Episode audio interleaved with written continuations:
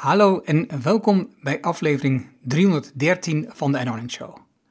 Waar je leert van ondernemers en ondernemende mensen die bijzondere resultaten bereiken, welke beslissingen ze genomen hebben om hier te komen, wat ze doen, de strategie en hoe ze klanten krijgen.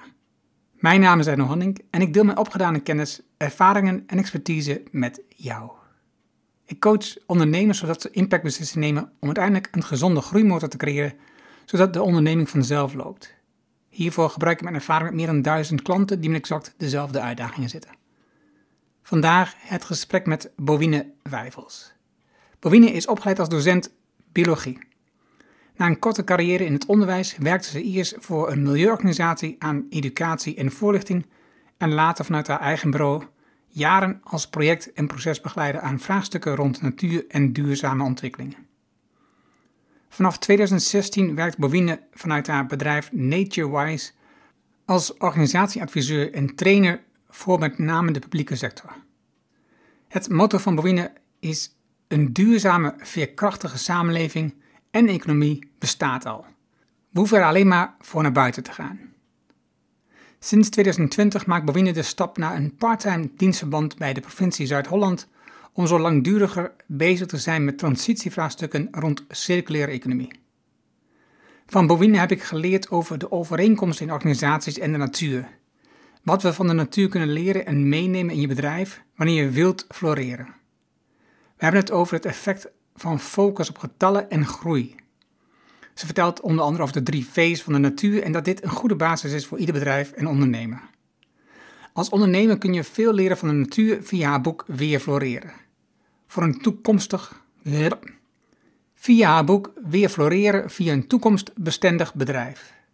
De impactbeslissingen die je nu neemt voor een toekomstige generaties en alle stakeholders. Luister nu naar de inzichten van Bovine. Laten we beginnen. Welkom in de Erno Hamming Show. De podcast waarin je leert over de beslissingen om te groeien als ondernemer met je bedrijf. Luister naar de persoonlijke verhalen van succesvolle ondernemers en ondernemende mensen. Dan nu jouw business coach Erno Hamming. Welkom in deze nieuwe aflevering van de Erno Hamming Show met dit keer mijn gast Bovine Wijfels. En zij heeft een boek geschreven dat heet Weer Floreren. Daar gaan we het zo uiteraard over hebben. De tien natuurlijke keuzes voor toekomstbestendig organiseren. Nou ja, je raadt het al, dit heeft mijn aandacht, dit soort boekjes, um, visies. En dat komt omdat het gaat over toekomstbestendig. Dat is een belangrijk onderwerp voor mij. En het mooie is dat jij dat terugbrengt, uh, in relatie brengt met de natuur. Welkom, Bovine. Dankjewel.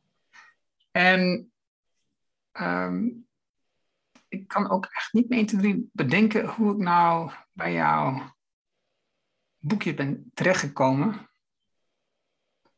Dat is niet zo belangrijk. Maar ik zit te denken, hoe kom ik ook, hoe kom ik ook weer bij jou? Dat weet ik dan niet eens meer. maar, via LinkedIn, dat zou kunnen. Ja, ik weet het niet meer. Maar uh, jij hebt iets met de natuur en dat ligt ook natuurlijk in jouw studie. Um, maar tegelijkertijd, je hebt een leraaropleiding gedaan, uh, biologie en aardrijkskunde. Maar je bent eigenlijk geen leraar meer. Dat klopt. Uh, en ook weer wel. Uh, daar vroeg een jonge collega aan mij: Hoe is jouw carrière eigenlijk verlopen? En toen zei ik: Ja, het is grappig dat het altijd wel met leerprocessen te maken heeft gehad. Nieuwe dingen leren. Dat kan ook in een groep, in een netwerk. En het, en het gaat altijd wel over iets wat met ecologie, groen en duurzaamheid te maken heeft. Ik ben nu, en daar komen straks misschien ook wel op, uh, ben ik terechtgekomen bij de provincie Zuid-Holland. En zit in een team uh, uh, wat bezighoudt met het programma Circulair Zuid-Holland. Uh, waar we ook proberen juist aan transities vorm te geven. En transities, we weten niet waarheen, we weten het proces nog niet. Dit heeft dus ook leren in zich. En, uh, en groen en duurzaam zit daar ook in. Dat is dan de hele brede opvatting. Dus die twee lijnen zijn er altijd geweest. En ik ben inderdaad begonnen als uh, docent. in het volwassenenonderwijs overigens. Ja. En ben van docent naar medewerker natuur- en milieu-educatie gegaan. Dus toen werd hij al wat breder. Hè? Toen ging het niet meer over dat ene vak, maar ging het al wat breder en integreerde je ook veel meer vakken. En toen kwam er in dat vakgebied ook heel erg leren voor duurzame ontwikkeling op. Als een focus om natuur- en milieu-educatie te verbreden. Daar ben ik heel erg in meegegaan, vond ik een heel mooi perspectief. En zo, zo groeit dat dan langzaam door. Dus voor je het weet ben je trainingen aan het verzorgen aan ambtenaren of anderen uh, die te maken hebben met uh, leren over duurzame ontwikkeling. Dus um, ik ben geen docent biologie meer. En dat is ook een bewuste keus geweest. Want als je na een paar jaar denkt, goh, alweer maak ik datzelfde grapje bij dat ene hoofdstuk. Dan ga je jezelf herhalen. En daar ben ik heel slecht in. Uh, om dat te voortduren. Dus ik moest toen nodig wat anders gaan doen. Maar je, je, je, wilde wel docent voor in, de, in de basisonderwijs worden. In het, uh, in het voortgezet onderwijs? Ja. Uh, ja. ik ben opgeleid voor het voortgezet onderwijs. Uh, nou ja, weet je, hoe ging mijn carrière? Ik deed gewoon wat ik dacht dat nu aan de orde was. en toen ik een keuze maakte, vond ik dat, een, vond ik dat heel mooi. Zowel didactiek als iets met onderwijs. Mijn, mijn familie heeft heel, is heel erg uit onderwijs afkomstig. Dus het, mijn vader was docent biologie op een PABO. Dus het lag dichtbij, het lag voor de hand.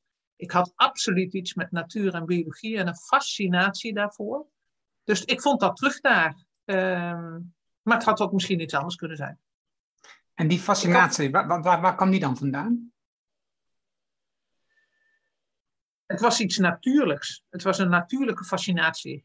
Als, als heel klein kind stond ik al bo bovenop uh, mijn vaders handen te kijken als hij een, um, uh, een konijn openpeuterde. of iets aan het voorbereiden was voor een les. Het was een soort dezelfde fascinatie die hij had. En ik geloof dat op het moment dat hij hij gaf les op een PABO, hè, de kweekschool vroeger. En toen ik eh, nou eh, eind, eind lagere school een keer met hem mee mocht in een les, zat ik daar als, uh, als klein huppie daar achterin. Uh, heel indrukwekkend, groot schoolgebouw. Um, en toen ging hij een les geven wat een genetica les was. Natuurlijk heel ingewikkeld voor iemand die, die misschien zat ik net in de brugklas hoor. Uh, dus wat hij deed, didactisch heel verantwoord, is dat hij mijn parkietjes die ik had, gebruikte voor de genetica-opgave. En verdorie zegt, die studenten die wisten precies de genetische uh, samenstelling of, de, of het genotype van, van, de, van mijn parkieten in een som uit te rekenen. En volgens mij was dat het moment dat ik dacht, maar dit kun je dus leren begrijpen. Dit vind ik leuk. Het ging over mijn pakieten en het ging over biologie. Dus ik geloof dat dat het uh, magische moment was dat ik besloot, hier wil ik, wil ik meer van weten. Ja, maar voor de rest is mijn jeugd wel behoorlijk gedrenkt in uh, natuur. En dat wil niet zeggen dat wij thuis allemaal daar wat mee hebben, maar het voelt wel heel logisch. Ja. En dus dat... zo, en, en, van het een komt het ander. En dan ga je ook ontdekken, wat, wat vind je nou interessant aan de natuur? Uh, ik, ik, ik ben niet zo'n soortenjager geweest of een, of een, een namenjager. Uh, ik ben niet zo van eindeloze rijtjes en feitjes. Misschien ook omdat mijn hersenen meer in patronen na kunnen denken dan in losse dingen. Dus dat kreeg ik niet goed opgeslagen. Eh, dus ik ben veel meer, ik vind die patronen, die interacties, vind ik interessant. Waarom zie je op het ene moment wel meeuwen hier in Utrecht in de stad en het andere moment niet? Wat maakt dat die meeuwen hier naartoe komen? En, en hoe weten ze dat? Wat maakt dat al die bomen in het bos ineens weten dat het herfst is en ze de bladeren moeten laten vallen? Dat, dat zijn die, hoe interacteren die bomen eigenlijk met elkaar? Dat vind ik interessante patronen. En dat, dat is systemisch kijken. En dat doe ik ook graag in organisaties. Om het bruggetje alvast te maken. Maar die, die formule, om die genetische formule van die parkiet uh, op te zetten, dat is, dat is niet echt jouw ding geworden. Nee, nee, nee. Nee, dat, en natuurlijk heb ik daar ook uh, braaf aan meegedaan. En ik heb ook uh, genetica gegeven in, in, de klas. Maar ik ben meer een generalist dan een specialist. Dat is het aard van beestje. Um, dus het uitzoomen en dan naar interacties en patronen kijken gaat me veel gemakkelijker af dan helemaal in de materie van het DNA duiken of zo. Waar komt dat door? Ja, waar komt dat door? Ja, waar komt dat door? Ik geloof dat ik altijd wel als kind de wereld wilde snappen. En als je maar op één ding focust, dan ga je de wereld niet snappen. Dan snap je één ding heel goed. Ik wilde de wereld snappen. Het grote geheel begrijpen. Het grote geheel begrijpen. En daar ook in kunnen bewegen. Ja. ja. Mooi. Wat is het? Wat is het ding wat je hebt geleerd op de Hogeschool van Utrecht? Um, wat je nog regelmatig gebruikt? Oeh. Dat is een hele mooie vraag. Omdat het en heel veel is en omdat er niet één ding bovenuit steekt. Maar ik denk dat daar wel de basis is gelegd van dat je als je iets wil overdragen, uh, als je mensen wil meenemen in een fascinatie, dat je eigenlijk bij hun moet beginnen, niet bij jezelf. Uh, dus dat je moet weten waar de, waar de aansluit bij de doelgroep. Dat je moet weten waar de ander zijn of haar fascinatie ligt. En of je nou in een soort vernieuwersnetwerk gaat uitzoeken wat nou een goede route is naar circulaire kunststoffen. Uh, of uh, een paar mensen meeneemt het bos in en ze wat laat leren over de natuur. In relatie tot hun eigen organisatie. Altijd beginnen bij de mensen. Dat heb ik denk ik als belangrijkste les. Kijk, je wordt, als je opgeleid wordt voor het voortgezet onderwijs, word je door die leerlingen behoorlijk hard afgerekend als je dat niet doet. Want dan, zijn ze je, dan ben je ze snel kwijt. En um, doodeng natuurlijk, om als jong studentje meteen voor een middelbare schoolklas te, te komen te staan. Dus dat was een stevige les. Uh, maar die heb ik wel meegenomen, ja. ja. Is het ook het gevoel, heb je het gevoel dat, dat anderen dat minder doen? Dat ze zich als enthousiasme vooral vanuit zichzelf uh, gaan beginnen? Ik heb lang rondgelopen in de milieubeweging en ik denk dat daar wel veel, uh, veel met veel passie en enthousiasme soms ook wel, wat, wel, wel de nieuwe wereld gepredikt wordt, zonder dat we oog hebben of dat er oog is voor de worsteling waar we middenin zitten. We kunnen roepen, um, we kunnen roepen, joh, het moet allemaal helemaal anders en we doen het helemaal niet goed. En onze economie loopt uit het spoor en kijk nou naar de, de recente crisissen die we op aarde hebben, sociaal, ecologisch, economisch en het moet allemaal anders, maar de, het, heeft, je leert veel meer als je probeert te doorgronden wat het tot nu toe in stand heeft gehouden, waar de drijver uitkomt, waar dit uit ontstaan is, om vervolgens van met erkenning van hoe het is, kom je pas uh, bij het volgende. En dat is ook een van die mooie lessen uit de natuur. het verschil tussen dieren en, en mensen is dat mensen in, tot heel veel, verstandelijk, uh, heel veel verstandelijke vermogens heeft, tot heel veel in staat is, maar we dus ook regelmatig in ons hoofd een wereld construeren die, die niet meer de wereld is die we om ons heen zien. Terwijl als je een zebra bent op de steppes in Afrika, dan, zul je, dan kun je wel het concept uh, leeuw gaan bediscussiëren en over filosoferen. Maar als zo'n ding op je afkomt, dan moet je acteren. Uh, ook bij de geboorte van een nieuw, uh, nieuw veulentje of bij. Het, het, het, maakt niet uit. Bij droogte moet er. Dus, dus verbinding met waar je bent is belangrijk. Dus ook verbinding waar wij zijn in onze eigen evolutie. De evolutie van de economie, of maakt niet uit, is belangrijk. Ja. Die worsteling die je beschrijft, die snap ik uh, behoorlijk. Ik moet zeggen dat ik zelf ook heen en weer word geslingerd tussen uh, aan de ene kant, um, nou je, ziet natuurlijk veel dingen voorbij komen en denk dit, dit kan niet verder gaan zo. Hè. Dus, de, je, we hebben nu op dit moment afgelopen maanden te maken met heel veel overstromingen. Uh, aan de andere kant met hele extreme hoge temperaturen. En met veel branden. Nou, branden zijn er elk jaar opnieuw, maar het, het, het, wordt steeds, het, het lijkt steeds erger te worden. Niet of dat waar is, maar het lijkt steeds erger te worden. Plus, um, uh, hoort dat, uh, dat nu um, voor de eerste keer de, de regenwoud zeg maar, in het Amazonegebied ehm, meer CO2 afstoot dan het opneemt. Zeg, ik niet, zeg dat goed of dat niet goed? Volgens mij wel. Hè? Door alle branden ja, ja, ja, stoot het meer meer- CO2 op. Ja. Ehm, en, en, dat, en ik zat te luisteren naar een podcastopname met... ehm ik natuurlijk haar naam kwijt. Dat, dus eh, het ging over biodiversiteit, dame uit Wageningen. En zij had het over kantelpunten. Tipping points. Ja. En tegelijkertijd, eh, wat ik zit een ander boek te lezen, dat heet eh, eh, Tovenaars en Waarzeggers, is volgens mij de titel, even uit mijn hoofd. Waarbij dus er wordt gekeken naar twee verschillende uitgangspunten. Aan de ene kant dus het uitgangspunt dat het, dat, dat, het einde van de wereld is in zicht. Ehm, in ieder geval de wereld waar wij op leven. Niet, de aarde zelf zal niet weggaan, maar hè, dat wij nog bestaan. Door we lopen tegen de grenzen aan van, van, van het, het milieu. Ehm, en dus we moeten minderen. We moeten verminderen. Minder Ja. consumeren, minder produceren, minder, alles moet minder. En aan de andere kant zijn daar de mensen die zeggen: nee, wacht even, we moeten juist versnellen, meer innoveren. Ehm, want tot nu toe heeft ons dat telkens gered om, iets, om, om, om een evolutie te, te, te realiseren. En we hebben gewoon evoluties nodig.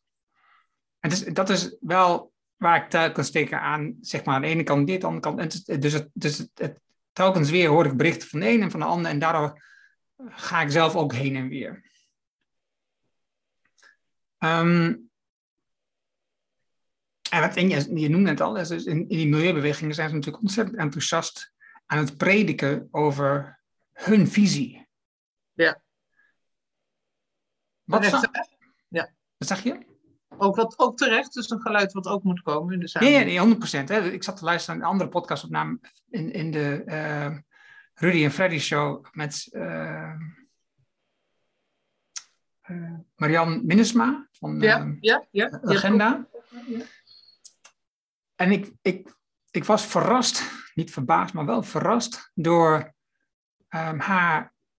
En eigenlijk wat jij net beschrijft, dat je je verplaatst in de ander door haar ehm, kennis, expertise, maar ook door haar praktische toepassing van oplossingen. Ja, dus dus Ja. is heel praktisch gericht om oplossingen te denken voor de situatie zoals die nu is, om van daaruit naar de nieuwe situatie te gaan. En, eh, en mij spreekt dat, dat spreekt mij enorm aan, dat ik hou van praktisch, praktisch denken. Ehm, eigenlijk precies omdat wat je zegt, hè? dus daarmee sluit je namelijk aan bij de situatie zoals die nu is en dat wordt het ma- makkelijk van mensen om Ja. mee te gaan. In plaats van zeggen, ja, je mag niks meer. Want dat is, Ja. natuurlijk, dat is natuurlijk een hele lastige boodschap voor mensen. Ik vind ook dat, ehm, in, in wat je, om even te reageren, in wat jij zegt over, er zijn mensen die prediken, we moeten het allemaal minder doen, eh, tandje terug en niet zoveel consumeren, versus de mensen die zeggen, we moeten versnellen. En ik vind dat beide heel erg getuigen, door het zo neer te zetten, dat getuigt een beetje van een kwantiteitsdenken, waar wij sowieso wel een beetje last in hebben. Het gaat altijd over meer of minder. Eh, terwijl het gaat natuurlijk over eh, wat dan meer en minder. Ehm, en het gaat over de nuance en het gaat over het toelaten van de zoektocht van de dingen die we nog niet weten. Ehm, en over die tipping points wil ik zo ook nog wel even wat zeggen, maar misschien eerst even hierover. Want ik denk dat het vooral anders moet en dat we naar een volgende evolutionaire stap moeten. En dat we door de oogharen moeten kijken naar eh, hoe doen we dingen nu en wat gaat er nu eigenlijk mis? Waar moeten we op bewegen? Wat moeten we anders doen? En je kan wel zeggen op het, op het gebied van, eh, van eh, even om dan toch inhoudelijk, hè, niet op, op organisatorisch, maar op het gebied van, nou misschien passen we toe op organisaties. Organisaties zeggen, hm, omdat dat vooral in mijn boekje veel eh, voorkomt, organisaties zeggen, ik, we sturen wat meer over, we sturen wat meer op, ehm, eh, op, dat mensen gaan samenwerken. We vinden dat er ruimte gegeven moet worden aan groei en ontwikkeling. En tegelijk wordt er in, eh, in de functioneringsgesprekken toch altijd wel weer op output gestuurd. Dus hoeveel klanten heb jij uiteindelijk uh, binnen weten te halen? Of hoeveel mensen heb jij die werkloos zijn weten te herplaatsen? Of hoeveel uh, contracten heb jij? Nou, whatever. Dus we zeggen het een, we doen het ander. Dat is wat er veel gebeurt. Daar zie je dus weer aantallen terugkomen. Daar zie ik dat we toch blijven focussen op aantallen. Dat we als de dood zijn voor de winst, uh, halfjaarlijkse winst, winstprognoses. Mind you, winst in de natuur betekent groei, betekent toename. Als leliebladeren dat in een vijver doen, dan, dan raakt die uiteindelijk vol en verstoor je het evenwicht. Groei aan zich is dus alleen maar slim als er iets op een, een specifiek moment moet groeien. Bijvoorbeeld rups moet, moet groeien eh, om uiteindelijk te worden eh, tot, tot een, een, een volgegeten beest wat zich kan verpoppen tot de vlinder, wat de volgende fase is, het volgende stadium is. Dus je hebt een groeifase, groei is altijd een fase. Uh, en wat wij doen is dat wij groei heilig maken. We hebben groei verheiligd. Uh, we hebben een economie gebouwd op groei. Uh, sterker nog, onze economie zou instorten als dat groei-idee eruit is. En dat betekent dat we dus een soort of een soort vijver zijn waar die leliebladeren eindeloos in groeien. En dat is de enige manier waarop de lelies kunnen. Hè, de lelies storten in als ze niet meer groeien en we groeien dicht. En nu komen we aan allerlei. Nu gebeuren er allerlei dingen op aarde die eraan. die ertoe. Uh, of die inzichtelijk maken dat we tegen een tipping point aan zitten. Ik heb ooit een artikel gelezen van uh, Martin Scheffer, Martin Scheffer, ook iemand uit Wageningen, uh, over tipping points. En hij, in dat artikel, kan me heel goed herinneren, schreef hij dat het, systeem altijd eerst instabiliteit vertoont voordat het instort. En een instort is dat tipping point. En die instabiliteit, die merk je doordat het zich niet zo snel herstelt. Dat merk je doordat er ineens ziektes inkomen. Dat merk je doordat bepaalde soorten plotseling verdwijnen. En wij hebben al zoveel van die voorbodes gehad dat we tipping point naderen. Begon met de bankencrisis. Uh, kijk naar de huizencrisis. Kijk naar de sociale crisis. Kijk naar uh, vluchtelingen. Kijk naar ecologische rampen die, die heel nabij zijn, wat jij net al noemde. Uh, maar kijk ook naar de, de, de, verandering van het klimaat. We zitten. Hoeveel van deze voorbodes moeten we nog negeren voordat we ons realiseren dat we echt uh, nou, op, op, op een foute koers zitten, op een ramkoers zitten? Dat is, en dan denk ik, snappen we het systeem? Dat is mijn ecologische blik. Snappen we het systeem? We zien aan het systeem dat het signalen geeft. Er komen allerlei dingen op ons pad uh, die eigenlijk oorzaak in, emergent in het systeem naar voren komen. En als we het systeem. Dus welke fouten, uh, welke weeffouten hebben wij in ons economisch systeem ingebakken, waardoor we de, op de aarde niet functioneren zoals planten en dieren functioneren? Want die hebben een systeem, een goed houdbaar systeem. Je kan niet een je kan niet ongelimiteerd groeien op een gelimiteerde planeet. Ergens houdt dat een keer op. En wat de natuur heel goed begrepen heeft, is, of ja, er is, de, natuur is niet, denkt niet, maar er is door jarenlange uh, natuurlijke selectie, is er een systeem uit ontstaan waarbij, uh, waarbij uh, alles herbruikbaar is bijvoorbeeld, maar ook in ongelimiteerde groei is. Er is alleen maar groei in het voorjaar of in bepaalde periodes en dan zakt het weer af. Dus terug naar jou, uh, moeten, we nou, moeten we nou juist versnellen of moeten we juist, uh, moeten we juist minder? Ik denk dat we moeten kijken naar wat willen we versnellen. Waar willen we meer van in onze nieuwe toekomst, in onze toekomstbestendige toekomst, zodat we op de aarde kunnen blijven wonen? Welke impulsen moeten we geven? En wat moet uitgefaseerd en uh, afgestoten worden? Welke dingen moeten we eruit halen? Maar als je, in, in, als, je als organisatie blijft, ingebed blijft in dat systeem, wat alleen maar uh, gebaseerd is op groei, dan doe je ook je initiatieven, doe je teniet. Je eigen initiatieven. Er is een aantal organisaties die worden regelmatig aangehaald in allerlei duurzaamheidsboeken die op een andere manier werkt. Die niet per se op groei uit zijn, uh, die alleen maar mooie producten in de markt willen uh, zetten en dat op een goede manier doen en daardoor bijdragen.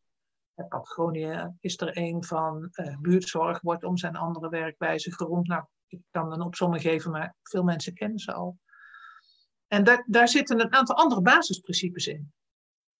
Misschien moeten we dat laten groeien. En jij stelde dus straks een vraag. Snappen we het systeem? Ja. Hoe kunnen we ervoor zorgen dat meer mensen het systeem begrijpen? Door onze nieuwsgierigheid aan te zetten. Door ons af te vragen, hoe werkt dit eigenlijk? Door af en toe met een totaal ander perspectief, dat is dan heel erg wat ik doe, maar dat mag ook een ander perspectief, door met een heel ander perspectief te kijken. Wat ik, ik krijg vragen voorgelegd als ik bezig ben met uh, uh, leren uit de natuur of de natuur als vergelijk voor organisatieontwikkeling of maatschappelijke ontwikkeling, dan krijg ik vragen voorgelegd waar, waar ik dan een natuurperspectief doe, ik ook in mijn boekje. Dus er is een opgave of er is een probleem en dan, dan kijk ik hoe doet de natuur dat. Alleen ik, stelde, ik draai de vraag wel om. Want een tijd geleden kwam iemand met de vraag: uh, hoe komt, dat was nog pre-corona, hoe zorgt de natuur eigenlijk voor, of wat kunnen we leren van de natuur voor het voorkomen van, uh, van ziekte en uitval in onze organisatie? En dan kun je zeggen, dit doet de natuur voor ziekte en uitval, maar dan stel je eigenlijk niet de vraag centraal of niet de oplossing centraal, maar het probleem centraal. Terwijl ik dan ga kijken, omgedraaid, wat doet de natuur om ervoor te zorgen dat iets floreert en eindeloos kan blijven bestaan. En dan vergelijk ik dat met hoe het gaat in de organisatie. En dat gaat dan over, uh, het is in, in, in uh, ik heb altijd wel zo'n ezelsbruggetje of zo'n zo'n zo'n um, zo favoriet door te zeggen, in organisaties is het heel erg goed om te kijken of jij net als dieren de balans houdt tussen voeding, voortplanting, veiligheid. Dat is nou wat dieren doen. Kuddes zeggen uh, of hebben de focus, dat doen ze niet uh, uh, in een, in een, dat hebben ze niet overlegd of daar is geen jaarplan voor, maar ze hebben de focus op voedsel, veiligheid, voortplanting. Als de veiligheid in het geding is, dan, ehm, dan, is, er, dan is dat even belangrijker. Zeker als er, als er, als er jongen in een, in een groep zijn is dat belangrijker dan het zoeken naar voedsel. Dan kan je wel door blijven gaan met voedsel zoeken, maar eerst moet je, moet je weer terug naar de veiligheid. Um, als... is, dat, is, is, dat, is dat wat er eigenlijk nu min of meer gebeurd is in de tijd van corona? Uh, dat we terug zijn naar veiligheid, bedoel je? Nee, ja, dus, dus, dus veiligheid van, van de mensen was even belangrijker dan voedselzoek. Hè? Dus bedrijven werden stilgelegd, um, ja. mensen moesten thuis blijven. Dus, dus veiligheid was belangrijker dan groei op dat moment. Ja, ja. ja dat zie je ook. Uh, dat, ik vind het knap dat veel bedrijven in zo'n crisis uh, op de een of andere manier de omwenteling hebben kunnen maken naar, en, en, en overheden ook naar uh, een systeem dat werkt. We hebben dingen mogelijk gemaakt, we stellen andere eisen aan medewerkers, de productie hoeft niet zo hoog. En maar je ziet ook dat de, dat de organisaties die. Ik woon in het centrum, of in het centrum, tegen het centrum van Utrecht aan. Hier zijn in de buurt heel veel winkels uh, um, op de fles gegaan. Want zij zaten natuurlijk aan een, aan een hoge huur. Dus die, die, en ook restaurants, die moeten enorme omzet maken. Dus die hebben verregaand gemaximaliseerd. En een maand dicht betekent eigenlijk al omvallen de natuur zal nooit zo'n scenario kiezen. De, de, natuur gaat niet voor maximalisatie, maar voor optimalisatie. Dus de, de, de evenwicht tussen voedselveiligheid en voortplanting, daar moet een soort marge op zitten. Je, je gaat niet maximaal nakomelingen produceren als er voedselschaarste is. Je gaat niet uh, bezig zijn met voedselzoek als de veiligheid in het geding is. Kortom, er is altijd een soort marge, er is altijd een soort buffer, er is altijd een soort rust.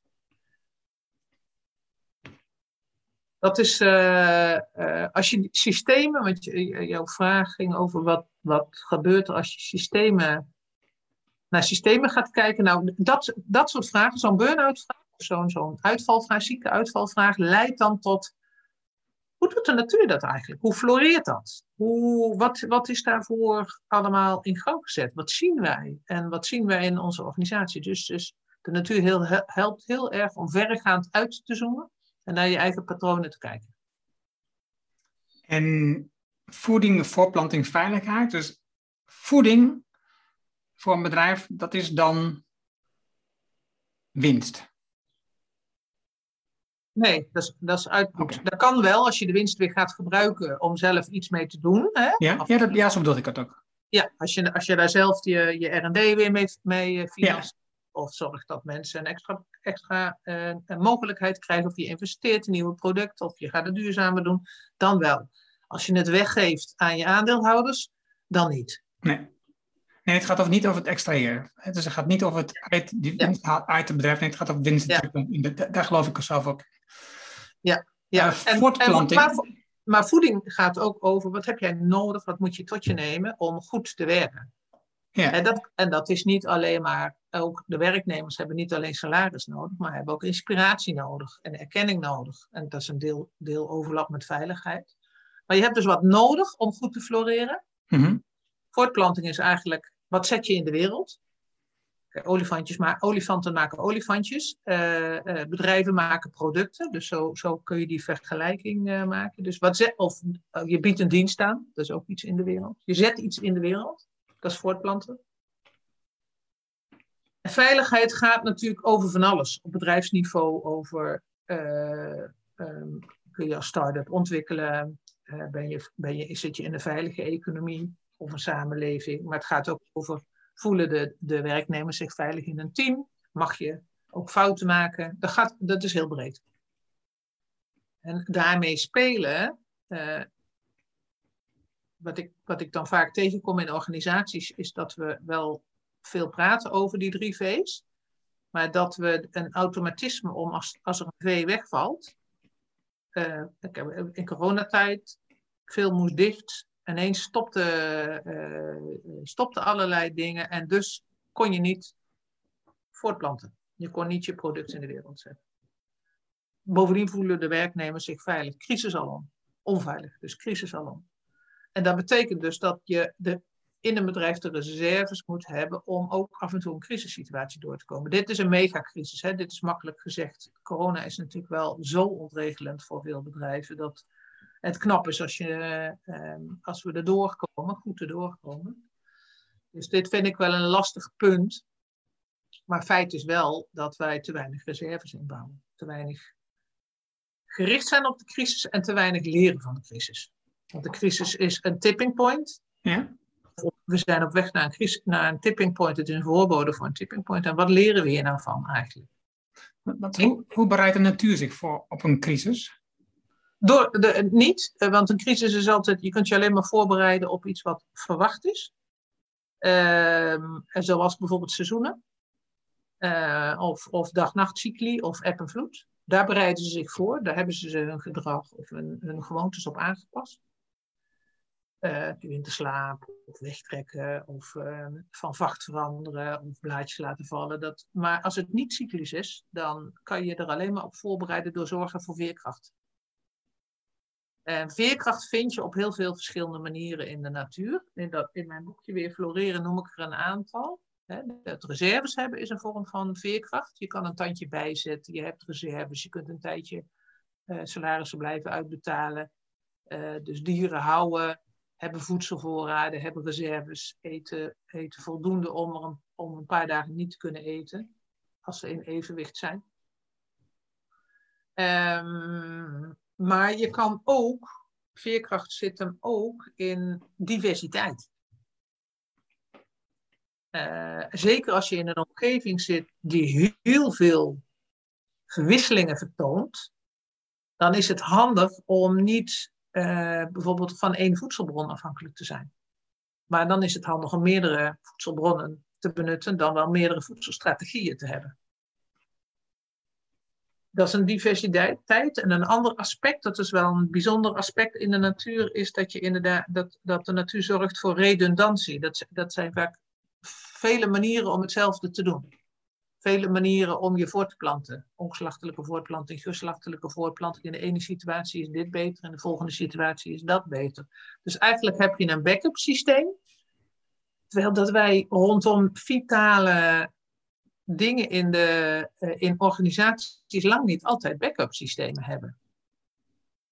Uh, rond ICT, rond uh, cybersecurity, rond financiële afhandeling van zaken. Dat kan vastlopen. terwijl dat daar rondom net die dingen die vitaal zijn, organiseert de, de natuur meer redundantie.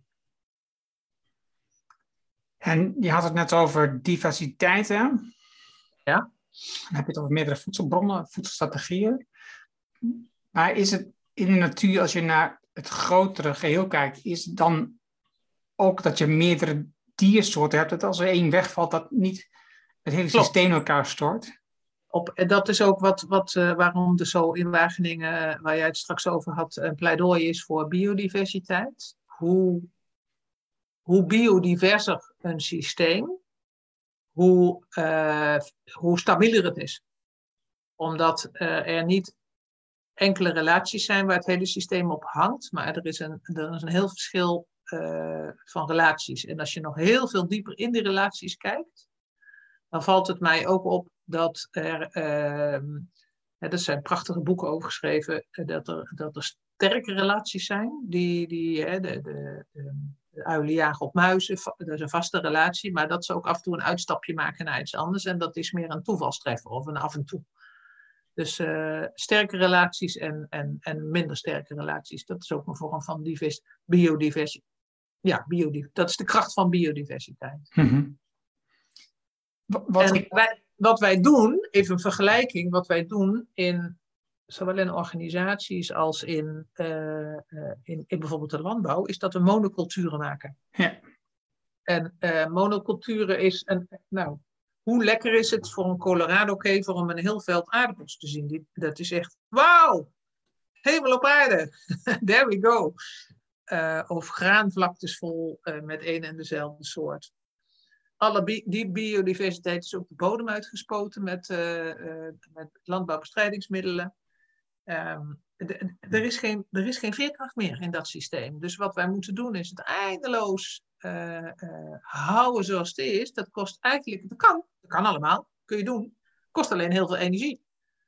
En, en dat alleen maar omdat heel die focus ligt op maximalisatie. Zoveel mogelijk gaan, zoveel mogelijk tomaten over de hele wereld. Uh, en daar zijn we goed in geworden, alleen er zit wel een soort grens aan als je, naar de, als je het vergelijkt met de natuur. Op een gegeven moment kan het niet meer. Ja, dat, dat, dat is mijn volgende vraag ook in. Dus als je in de natuur kijkt, hè, dan als een dier um, in een soort plaagsituatie komt waarbij er heel veel van zijn, dan ontstaat er daarna meestal een ziekte waarbij het ja. Um, ja. gedesmoniseerd wordt. Dat, uh, konijnenplaag en, en er zijn bijna Ja. geen konijnen over. Ja, ja, ja. Dus Uh, sowieso is, is een plaag al een, al een duidelijk teken van instabiliteit. En Ja. dat, gaat dan nog, dat, dat gaat dan nog een tijdje door, ja. Ja. Zou de natuur de plaag van de mens ook kunnen oplossen? nou, wat, denk je? Zo wordt, eh, eh, het is natuurlijk heel gevaarlijk om daar over te zeggen, maar zo wordt door een aantal mensen COVID-19 wel gezien.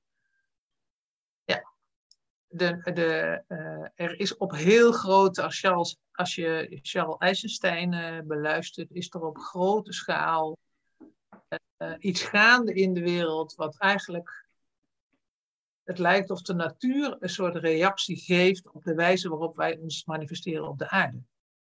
En, um, en het is ook, ik, ik geloof nooit in, in, in boze bedoelingen, maar ik denk dat het emergent is. Namelijk dat als een systeem zijn zwakheid volop leeft, dat er een reactie komt. Uh, en wat wij gedaan hebben is, uh, behalve maximaliseren, uh, um, een, een een soort op aarde zetten wat eigenlijk niet de veerkracht meer heeft om tegen, tegen allerlei ziektes bestand te zijn, gecombineerd met we slepen ons suf met allerlei spullen en mensen over de aarde. Dus we hebben het ook nog heel kwetsbaar gemaakt. Uh, en en zo'n virus kan zich als een, als, een, als een dolle over de aarde verspreiden. Als je zag hoe snel dat ging in het begin, dat, dat zegt vooral iets over hoeveel wij bewegen over die aarde. Terwijl veerkrachtig en resistent is ook, dat doet de natuur, dingen organiseren in kleinere cellen. Afsplitsen. Zelfs, zelfs hele grote uh, bijenvolken splitsen op een bepaald uh, moment af. Want dat is niet meer te hanteren. Je hebt RK Winsen heeft gedaan met, ja. met BSO. Ja, met, ja precies. Ja. ja. Want, dat zegt, dat, want het wordt zwak. Uh, het, is, het is makkelijk aan te tasten, maar het is ook niet meer te managen. Um, en dat wilde, dat wilde hij met name niet. Hij had helemaal geen zin om al die, uh, al die mensen te gaan managen. Dus hij had zoiets van, uh, ga het zelf maar doen. En dat heeft ertoe geleid dat er een systeem is ontstaan waar met veel mensen, eigenlijk de eerste vorm van zelfsturing. Zelforganisatie. Zelfsturing is een raar woord. Zelforganisatie. Ja. Waarom is zelfsturing een raar woord? Ja, omdat het, het, het, het zichzelf tegenspreekt. Sturing, en, een, en we hebben de associatie bij sturing met dat iemand aan het stuur zit en, dat, uh, en, en, en, en zelforganisatie is veel meer dat het uit het systeem komt. Dat het zichzelf organiseert. Alle grote, alle grote uh, populaties in de natuur, bijvolk, termieten, zwermenvogels, zijn allemaal zelforganiserend. Er zit geen vogel ergens in, uh, in die hele troep uh, op weg naar het zuiden die roept: jongens, en nu gaan we allemaal naar links. Nee hoor, dat is puur zelforganiserend. Als je ruimte laat aan, aan, aan, aan dat dieren, bijvoorbeeld in die zwerm, ganzen, zelf besluiten: hé, hey, dit stukje van de route ken ik, nu ga ik voorop vliegen. Dan organiseert het zichzelf en er wordt niet gestuurd. Het is zelfsturend, ja raar woord. Op dat, maar op dat moment is die ene gans, die is de leider, omdat hij dit herkent en zegt, we gaan deze kant op, hier moeten we zo vliegen. Ja, als de, als de gans aan de, de voorkant van de V-formatie of moe wordt of wat wegzakt, omdat hij niet meer goed weet, dat stuk niet herkent, dan schuift er automatisch een gans naar voren die het wel weet. En dat vind ik ook altijd een mooie parallel. Sommige leiders of, of CEO's in organisaties weten heel goed om, uh, om te gaan met een specifieke situatie. Een diepe crisis, een transformatie, een, een doorgroei naar internationaal. maakt niet uit, iets, of een verandering in de markt. Maar zijn helemaal niet goed in andere stadia, omdat ze geen ervaring hebben. En, maar ja, wij gaan niet, promoveren, promotie krijgen vinden we leuk, maar zeggen van nee, nu mag even iemand anders aan het stuur, dat is niet de gewoonte. Dat is ook weer zo, groei, naar boven, meer. Terwijl in de natuur is dat heel normaal. Overigens, in ganzen, hè? Want dan is het functioneel. De context is heel belangrijk. Uh, bij gro grote dieren, mensen zullen meteen zeggen, ja, hoe zit dat dan bij apen? Want die hebben toch een hele sterke hiërarchie. En, en dan is het denk ik heel belangrijk dat je steeds nadenkt over de context. En een aap heeft een langdurig leven uh, in een specifieke situatie waarin hij ook heel veel wijsheid inbrengt. Dus ouderdom en volwassen worden, volwassen worden is, uh, is ook belangrijk. Uh, bovendien heeft hij wat te verdedigen. En de ganzen in de lucht hebben niet wat te verdedigen. Dus daar gaat leiderschap over andere dingen. Context moet je altijd meenemen. Dus als je zegt wat is de beste manier van organiseren, zou ik als eerste vragen in welke context? In welke context? Tijdens de coronacrisis in Nederland? Of eh, in Zuid-Afrika? Of, uh, uh, en, en, en, hoe ziet die economie er dan uit? Of de sociale omgeving? En wat, is, wat, voor, wat voor mensen zijn daar die, die, die werknemer kunnen zijn? Wat is het economisch klimaat? Wat is het uh, politieke klimaat?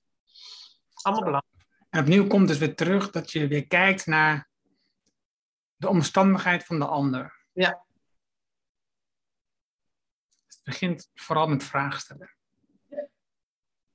Over het systeem, over de ander, over waar we zijn. We kunnen niet ontkennen waar we zijn. Ehm, maar je kan wel een droom hebben over waar je naartoe wil.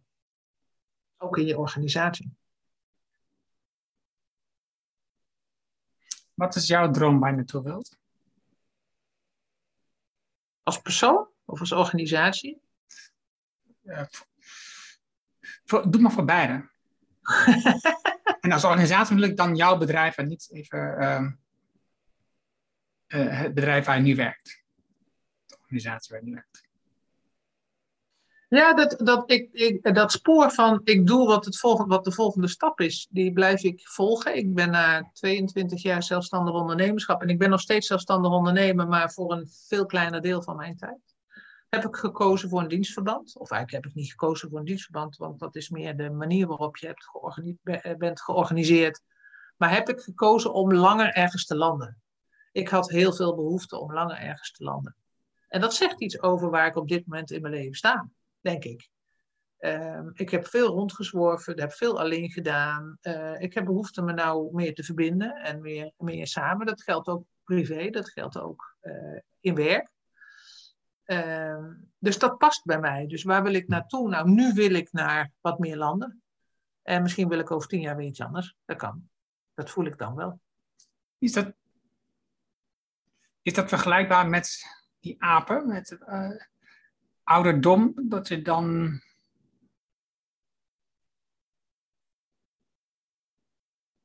meer stabiliteit in het systeem zoekt? Ja, of uh, met je persoonlijke groei. Uh, dat kan ook. Uh, daar waar ik voorheen je me langdurig ergens aan verbinden best wel lastig vond. Um, er zit er meer heling op dat stuk en durf ik me veel meer te verbinden. Dat zal, daar, daar zal het mee te maken hebben. Um, maar ook wel met, nou het is meer het verlangen om, mijn, ik, hè, dat boekje ben ik hartstikke trots op. En tegelijk voel ik bij mezelf dat het willen neerzetten en boekjes schrijven en zo. Ietsje, daar word ik iets rustiger in. En ik wil ook graag bijdragen aan anderen. Dus ik niet meer zo zelf op de bühne, maar meer bijdragen aan anderen. Daarvoor heb ik meer ervaring. Dus dat is ook makkelijker om te doen. Dat vind ik ook leuk om te doen. Ja.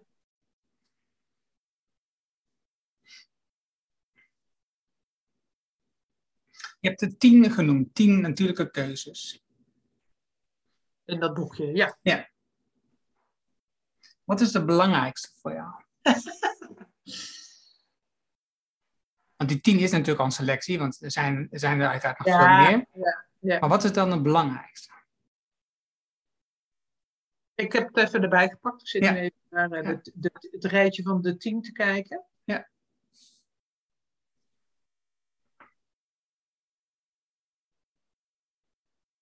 Ik denk eigenlijk ik noemde net al een aantal keer, uh, een van de tien is plaatsoptimalisatie boven maximalisatie. Ik vind hem heel belangrijk.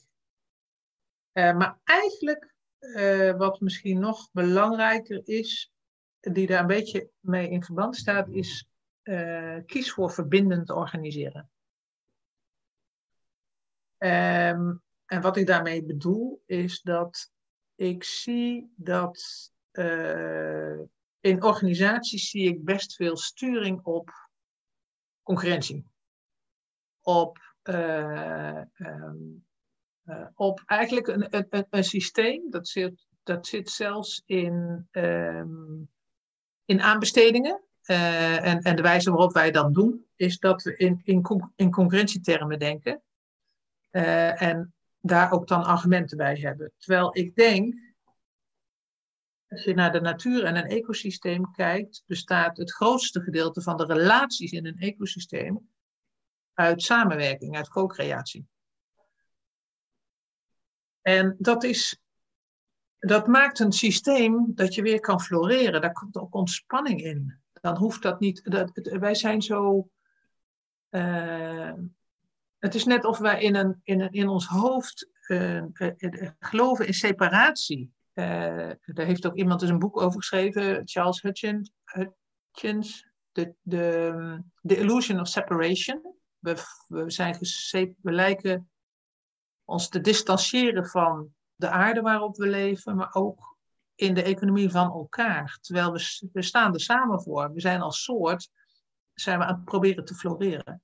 En verbindend organiseren is om veel meer vanuit de verbinding en vertrouwen te werken dan vanuit macht, angst en controle.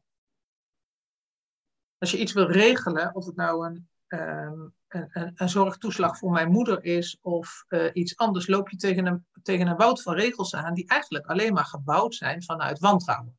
Want er zijn misbruikers. Ja, er zijn misbruikers. In de natuur zijn ook misbruikers, die heten parasieten en plagen. Daar moet je je wel tegen verdedigen, maar daar hoef je je systeem niet op te bouwen.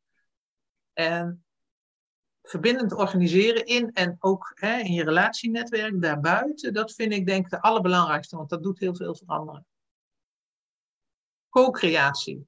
Niet nadenken over hoe, daar, zit ook diezelfde verbinding weer in. Hè? Niet nadenken over hoe krijg ik ze mee in mijn idee, maar veel meer hoe maken we samen uh, het, onze droom nog groter. Dus hoe kun je van twee dromen één droom maken?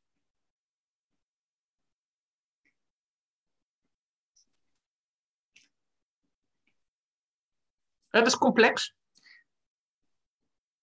Ik vind het heel erg mooi wat je zegt. Het is complex, maar ook weer niet. Het is ook super simpel. Alleen het doen is wat anders. nou, omdat het systeem ja. er nu eenmaal is. Um, ja. dus voor, dus um, voor een individu binnen de overheid is het ingewikkeld om een regel aan te passen, omdat uh, daar heel veel mensen aan verbonden zijn. En datzelfde geldt voor een bedrijf. Is het ingewikkeld om te zeggen: ik doe het niet voor de winst, um, maar ik doe het voor de impact. Maar tegelijkertijd zit hij met zijn product in de concurrentie in een wereld ja. Uh, met ja. andere bedrijven die hetzelfde product produceren. Terwijl je wel wilt met jou, dus als je naar Patagonia kijkt, um, met, de, met de winst die ze realiseren, investeren ze in de natuur bijvoorbeeld. Hè? Dus, en ze, ze, daarnaast maken ze producten die ook nog zo min mogelijk afbreuk doen aan de natuur. Ja. Um, maar hun producten zijn wel aanzienlijk duurder dan de gemiddelde producten op de markt. En dus dus je maakt het jezelf als organisatie, als bedrijf, heel erg ingewikkeld om te overleven. Niet, het is niet onmogelijk, dat zie je ook aan die bedrijven. Maar het is, het is wel de meest lastige vorm om te kiezen. Je kiest echt vanuit de kern in plaats van uit ja. um, een schijnvertoning van winst bijvoorbeeld. Ja, en tegelijk zie ik ook heel veel jongeren opstaan en die zeggen: Ja, ik wil bij een bedrijf werken waar ik het gevoel heb dat ik wat betekenen kan. Of wat, uh, hè, wat, wat niet alleen maar voor de grote getallen gaat. Dus ik, ik, ik, ik proef dat het in de, in, de, in de volgende generatie heel erg aan terugkomen is. Dus dat daar meer. Dus als, je, dus als je als bedrijf wilt veranderen, is het slim om jonge mensen aan te trekken? Ja, ik denk dat dat zeker, uh, zeker helpt. En ik denk ook, en daar heeft ook de overheid een rol, dat je ook een. Kijk, iets nieuws wat ontstaat, uh, uh, is, is natuurlijk ook gebaat bij een zekere mate van veiligheid. Dus als, als overheid kun je ook plekken creëren, dat gebeurt natuurlijk ook middels subsidies of anderszins, plekken creëren waarbij start-ups zich kunnen ontwikkelen. waarbij dat de, de, de, grootste investering is toch um, de ontwikkeling, de piloting, de R&D. Dus daar kun je een klein, daar kun je een soort veilige omgeving creëren. En tegelijk, dat is een manier. En tegelijk zie ik ook dat er een beetje een parallel systeem aan het ontstaan is. Als het gaat over een andere economie. Je ziet veel meer ruileconomie. Je ziet veel meer deeleconomie. Je ziet lokale munten. Dat zie je, daar hoor je tegenwoordig weer wat minder uh, over. Um, je ziet banken die op een andere leest geschoeid zijn. Dus er ontstaat wel een soort parallel systeem. En, en het is natuurlijk een kwestie van tijd dat dat systeem groter wordt. Ik zat, ik zat heb het boek gelezen van uh, Moonshot van uh, Mariana Mazzucato. En ik, uh, ik waardeer haar um, bedenksels enorm. Omdat zij en ik ben, ik ben niet met overheidachtige dingen bezig. Ik, ik ben niet zo kapot van, van bureaucratie. Ik ben ook niet van de subsidies. Hè, dus ik ben meer van het, het zelf organiseren. Um, maar wat ik mooi vind in haar verhaal, is dat zij zegt, de, de overheid moet een nieuwe rol op zich nemen. De rol die ze nu hebben is de redder als het te laat is. En dus je ziet in corona uh, tijd, bedrijven vallen om. Dus uh, om jouw woord te gebruiken, het ontbreekt hun aan veerkracht. Ze hebben geen reserves, geen middelen, dus het ontbreekt aan veerkracht. Dus ze vallen om, vrij snel. En de overheid moet ingrijpen. De bankencrisis, de overheid moet ingrijpen. dus, dus, je ziet telkens de overheid moet ingrijpen op het moment dat het misgaat. Um, de overstromingen, overheid moet geld geven om, om dit op te lossen. De boeren die, uh, die in problemen komen, de overheid moet het oplossen.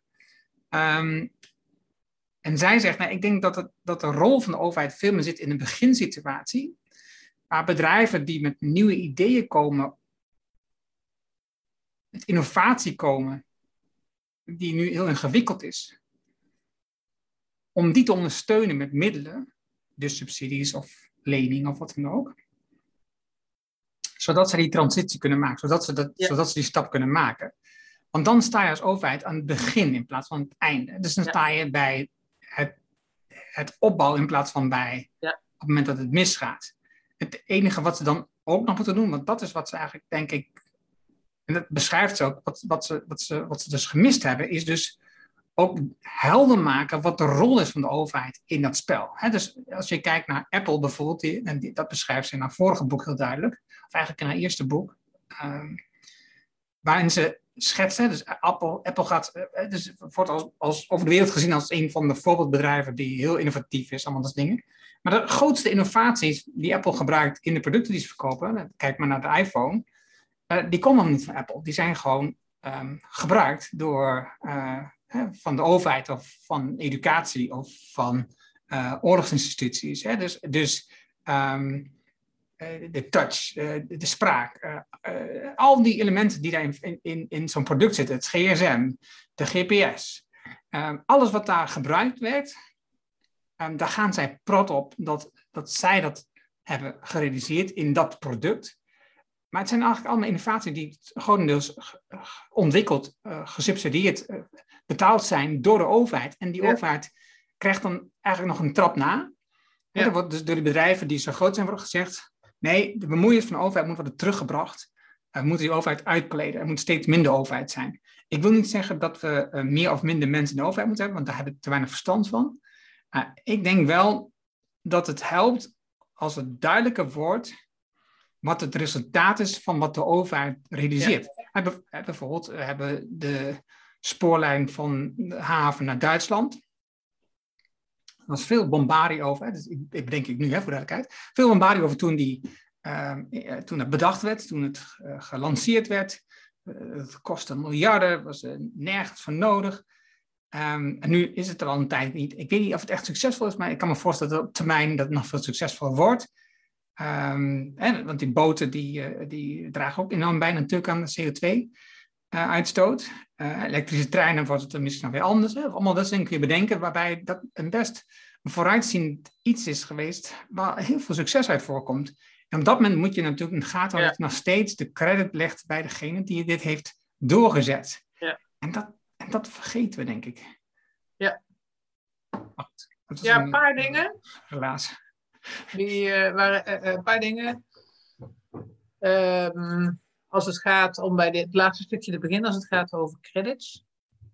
Als je denkt in een verbindend, als je denkt in verbindend organiseren, gaat het niet over credits, maar gaat het over we maken samen een betere wereld. Dus bedrijven hebben meer de neiging om te schermen met iets, omdat dat goed is voor de sales. En, en overheden misschien wat minder. Kijk, dus heb ik gemaakt. Uh, het is ook overigens publiek geld, want het komt van de belastingen. Dus waarom zouden zij ermee gaan schermen? Dus dat is ook een hele andere cultuur. Dat speelt een rol. Als je het hebt over de rol, ik heb altijd voor overheidsorganisaties gewerkt. Uh, als je kijkt naar de rol van de overheid, verandert die ook. Uh, bij de provincie in ieder geval zijn wij ons heel erg bewust van de recentelijke inzichten in, of recent ook al niet meer zo recent. De School voor bestuurs, uh, Bestuurskunde die schrijft ook essays over verschillende bestuurstijlen en verschillende overheidsstijlen. En we gaan ook veel meer van, die, um, van een controlerende overheid naar een verbindende, ondersteunende overheid. Dus we zijn ons bewust van allerlei eh, verschillende rollen die er zijn. En er wordt ook echt wel geacteerd op die andere rol. Het systeem wat we met elkaar hebben, dat valt mij op en dat doet me echt verdriet in coronatijd, is dat uh, je als overheid de ene verdenking naar de andere naar je hoofd geslingerd krijgt. Uh, en ja, er worden fouten gemaakt. En ja, uh, sommige zijn ook echt niet handig. en dan denk bijvoorbeeld aan toeslagenaffaire of, of stappen die in, in corona zijn. Maar we zijn ook tegelijk samen aan het zoeken naar hoe we het beter kunnen doen. dus het, de, wat je ook ziet is dat, uh, ik, ik, ik vind dat nogal heftig, dat de, zelfs de pers een hele sturende rol heeft in uh, het neerzetten van uh, de rol van de overheid. Vergrootglas op alles wat je doet.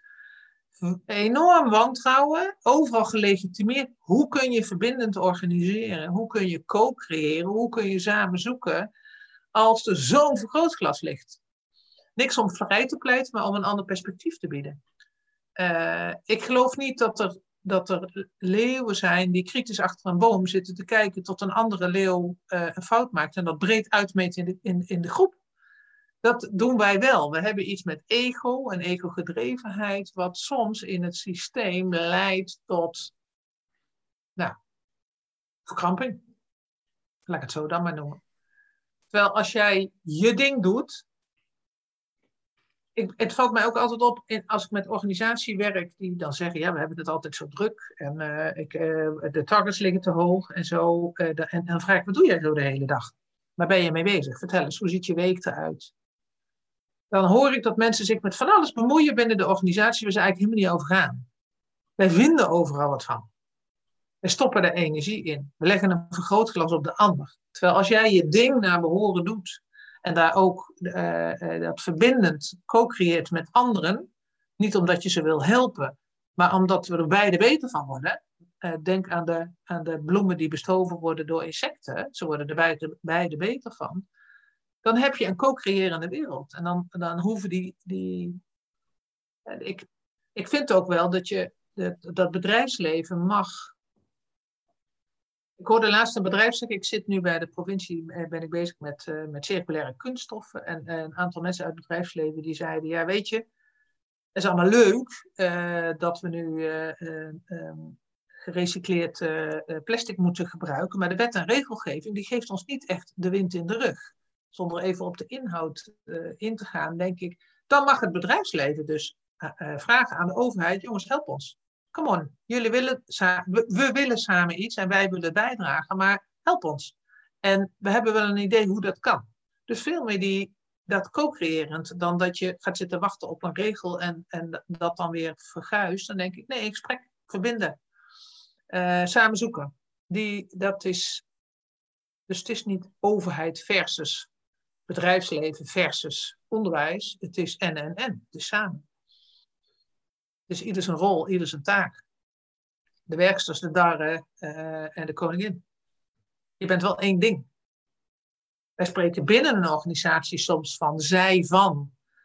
Uh, en dan denk ik zij, dit zijn wij hoor. We zijn, als we binnen een organisatie al van zij van gaan spreken, dan is het net of we een concurrent hebben intern. Dat zou in een mierennest toch echt wel tot problemen leiden. Gaan ze elkaar bestrijden.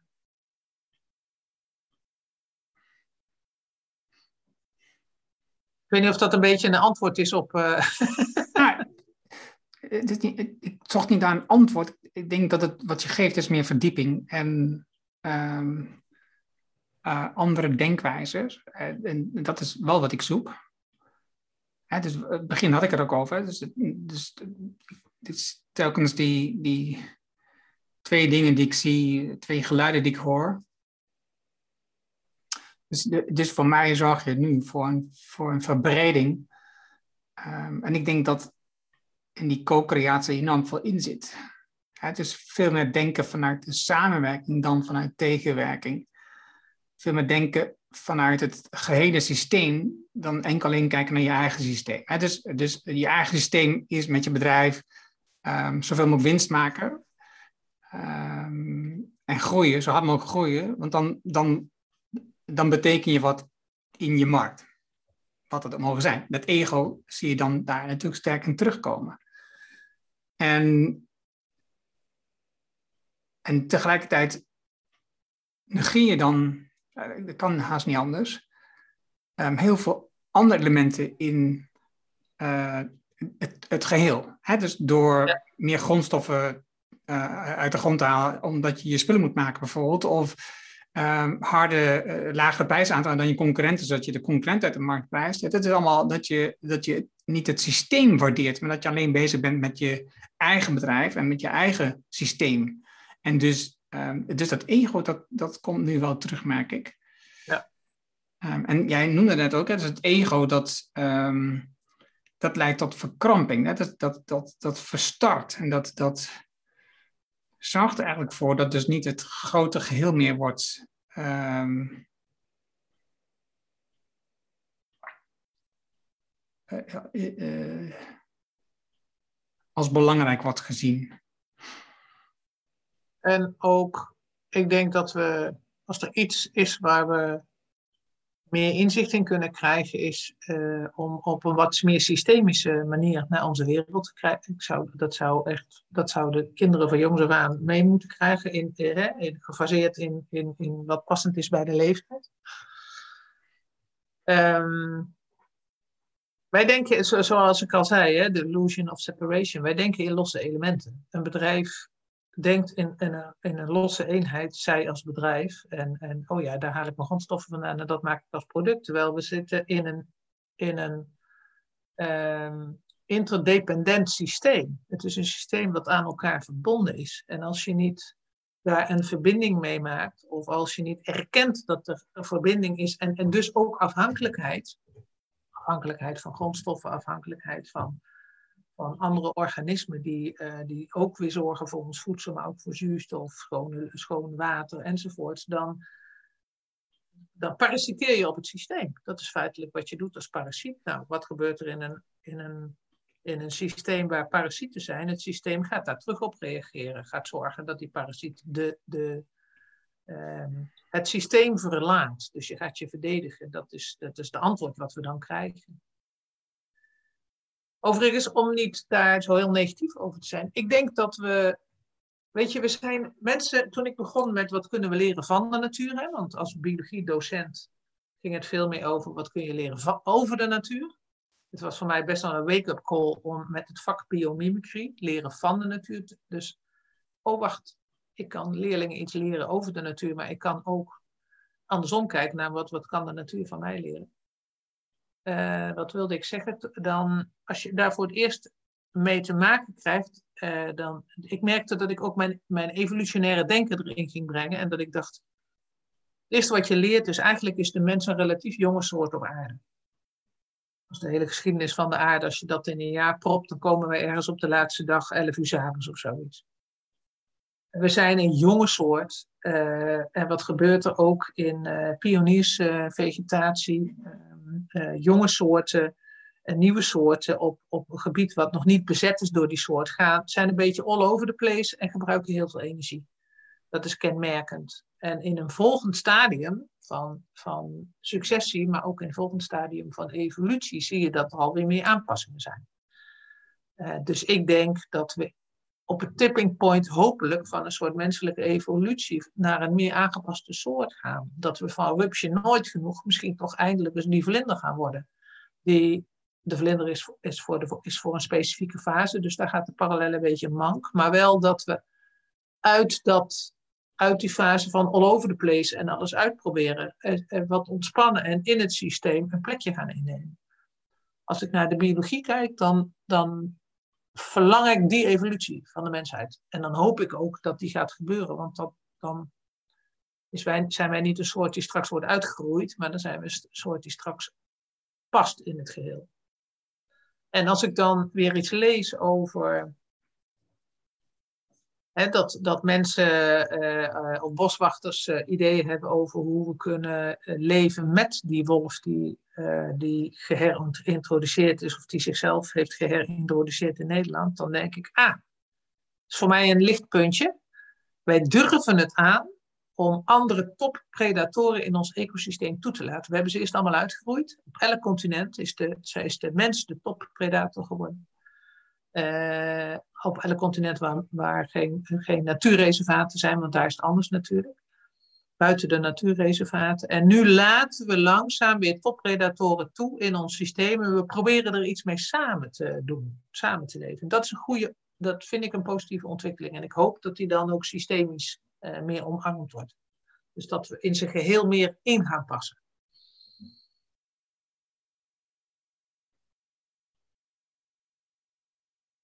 En dat is erkennen dat je in een systeem zit waar je van afhankelijk bent. Dus je kunt, we gaan nu niks aan milieu doen, want uh, de economie is belangrijk. Dat, zijn, dat, dat, gaat er bij mij niet in. Want die, die, die economie die, die vindt plaats binnen het geheel, uh, wat we aarde noemen. En de aarde is, uh, is, is mensen en ecologie. En, ja, eigenlijk is dat, dat is samen. Mensen staan niet los daarvan. Wij zijn een soort op aarde. Wij zijn ook natuur. Dus dat losdenken, dat, dat gaat in mijn hoofd, dat, dat, dat, dat, lukt me niet.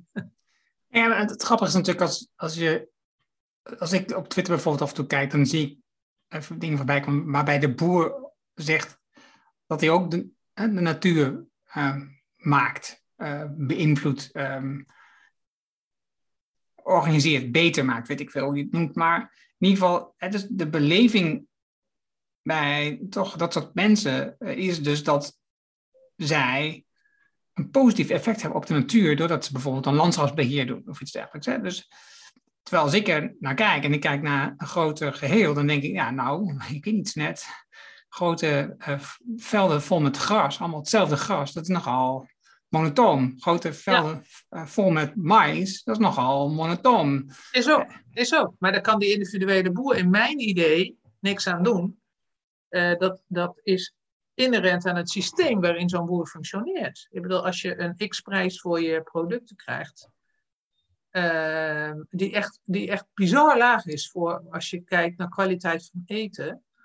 Uh, en bij, op de een of andere manier moet het allemaal gratis zijn voor niks. Uh, terwijl, en, en we gooien een, een grote hoeveelheid eten ook weg. Dus een andere soort relatie. Ik zeg niet dat iedereen meer moet gaan betalen, maar een ander soort relatie met voedsel zou ook voor die boer ontspanning geven. Die natuurlijk. Die veerkracht. die, ook die veerkracht, ja. Maar die, die, de, uh, wat houdt de, de beste vraag om dingen te kunnen begrijpen in organisaties, is je af te vragen: wat houdt dit patroon wat ik niet wil op zijn plek? Wat houdt wantrouwen naar de directie op zijn plek? Wat houdt dat de boer uh, moet blijven uh, uh, voor grote productie gaat, ook bestrijdingsmiddelen moet gebruiken op zijn plek? Dat is niet per se een, een, een keuze van, de boer, van een boer of een akkerbouwer zelf, maar meer omdat het systeem zo werkt, waar je nauwelijks aan kan ontsnappen. Precies. En dat is dus hoe zorg ik er nu voor? Want we zullen aan moeten ontsnappen. Als, jij, als wij met elkaar ja. die volgende stap wil maken, die, die sprong van die rups naar die vlinder, wat je net beschreef, ja. dan moeten we aan het systeem ontsnappen. Ja. Wat, wat, en, en, en, waarschijnlijk we nu op terug bij het begin, maar wat moeten we daar doen? Wie, wie moet daar de stappen zetten? Ja, uh, samen. Uh, niet één iemand. Dat is de lineair gedacht. Uh, ik denk dat de bewustwording dat het anders moet, is er al. Ik zit al, al uh, eh, 25 jaar in, in duurzaamheid. Vroeger was dat uh, uh, voor geitenwolle sokkenmensen en, ehm, en was je super alternatief als je het überhaupt over de vervuiling van de Maas had. Tegenwoordig weten we allemaal wel dat het er redelijk de verkeerde kant op gaat en dat we iets moeten veranderen. We weten alleen niet hoe. Dus er is al heel veel bereidheid.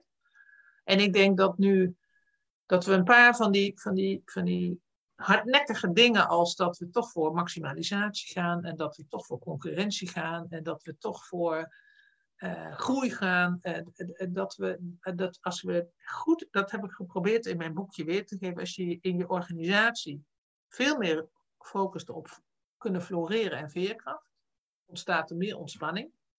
Wat op de lange duur uiteindelijk ook beter is in het bedrijf. Want je hoeft ook geen. we gaan wel voor winstmaximalisatie, maar ondertussen lopen, vallen, de, val, vallen de mensen om, want die, uh, die worden overspannen, burn-out, uh, gaan ergens anders naartoe omdat, het niet meer, hè, omdat ze niet meer kunnen groeien of te weinig ruimte krijgen voor ontwikkeling. Dus op de lange duur kost dit ook. Dus ik denk als we iets kunnen doen om die ontspanning weer terug te brengen, een paar van die principes durven aan te kijken met elkaar en met elkaar daarover in gesprek. Met de stakeholders uh, uh, in gesprek, met de aandeelhouders in gesprek. Dit is hoe ik er naar kijk. Kunnen we dit ook anders doen? Dan maar even niet beursgenoteerd. Ja. Zulke grote besluiten moet je dan durven nemen. Ja. ja.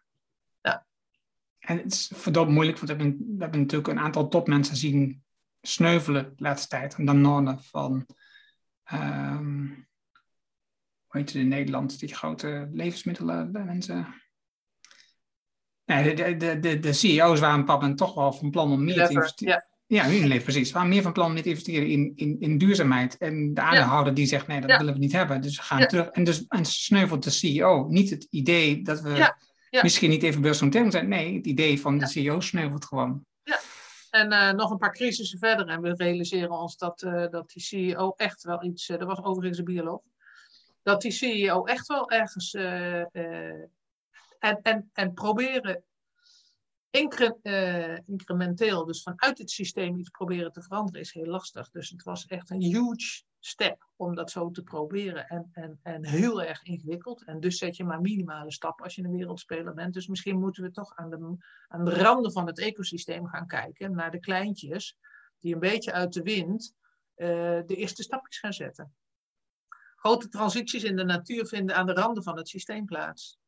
Aan de, e- in de ecotoons. Dus ik denk ook dat het. Ik hoop dat er een heleboel randjes, eh, rafelrandjes gaan ontstaan waar mensen in kunnen experimenteren. En daarin ontspanning kunnen vinden en, en eh, volgende stappen kunnen zetten. Maar het begint ook bij onszelf.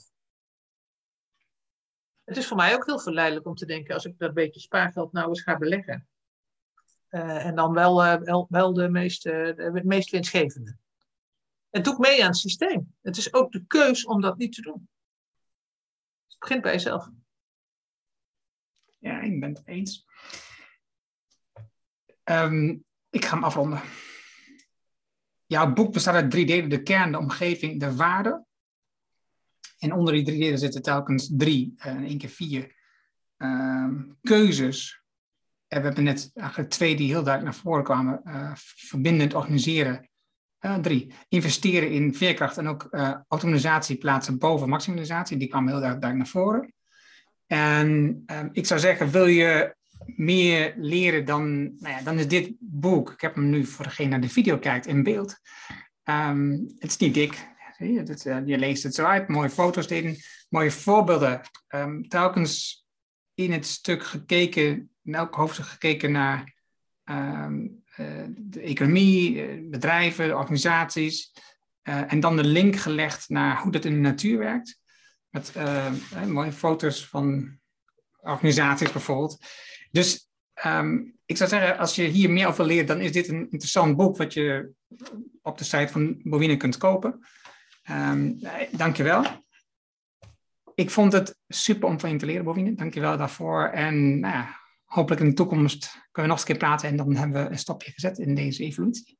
Ja, heel erg bedankt. Ik vond het erg leuk. Ook al weet je niet meer hoe, eh, eh, hoe wij elkaar op onze wegen zijn gekruist. Vond ik het heel leuk om, eh, dat je me vroeg om mee te doen. En ik, het, het geeft voor mij ook weer stof tot nadenken. Dus ik, ga weer, ik neem weer een paar dingen mee. En nou, dankjewel. En inderdaad, mijn boekje is eh, op mijn site NatureWise eh, te vinden. En eh, ik vind het ook heel leuk om daarover niet alleen maar dingen de wereld in te gooien, maar ook interactie te krijgen, te co-creëren. Eh, dus reageer er dan vooral op en geef ook aan waar je denkt, hé, hey, ik heb nog wel wat toe te voegen. Graag zelfs. Dat was het mooie gesprek met Bovine. Je vindt de namen en links die we noemden in het artikel dat bij deze uitzending hoort. Ga daarvoor naar erhoning.nl show 313.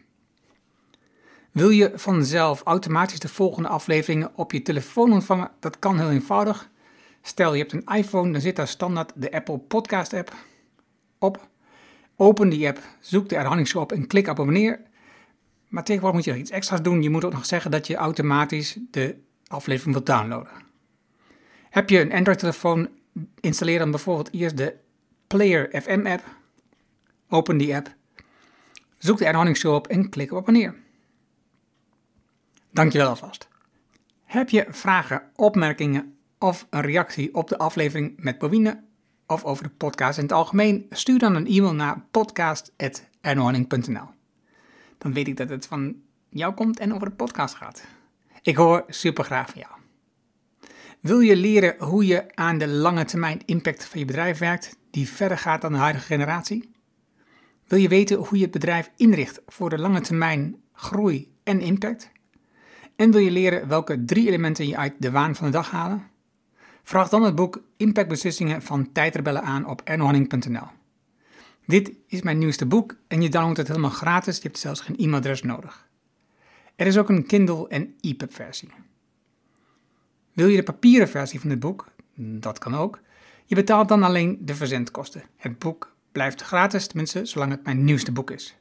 Vraag het daarom nu aan op ernohanning.nl en ik weet, je bent vol bezet.